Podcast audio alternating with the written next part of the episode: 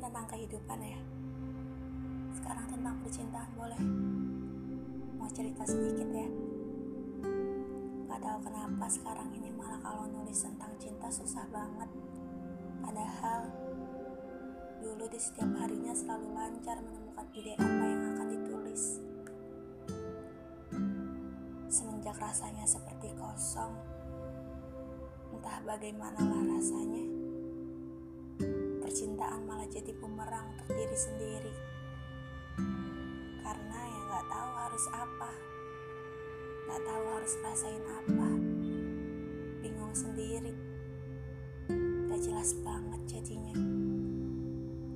Sering rasa kosong, tapi giliran ada malah gak mau. Giliran lagi kosong baru deh nyari-nyari. Manusia Ya diciptakan dengan segala kerumitan ini?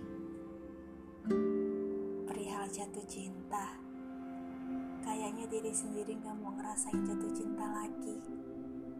Dulu, ketika ngerasain patah hati, rasanya kayak gak bisa sembuh.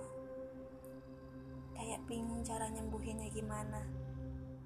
Sampai akhirnya, saya sendiri memutuskan untuk jatuh cinta lagi sembari menyembuhkan masa lalu. Menurut saya itu hal yang tepat, tapi ternyata enggak.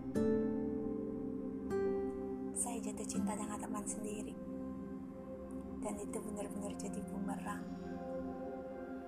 Karena emang gak akan pernah bisa. Saya dengan dia berada di frekuensi yang jauh berbeda.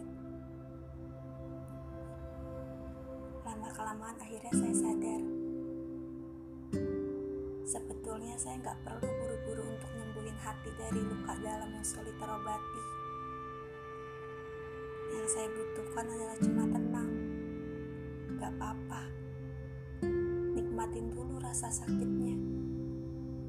Sampai akhirnya benar-benar siap untuk melangkah lebih jauh tentang percintaan.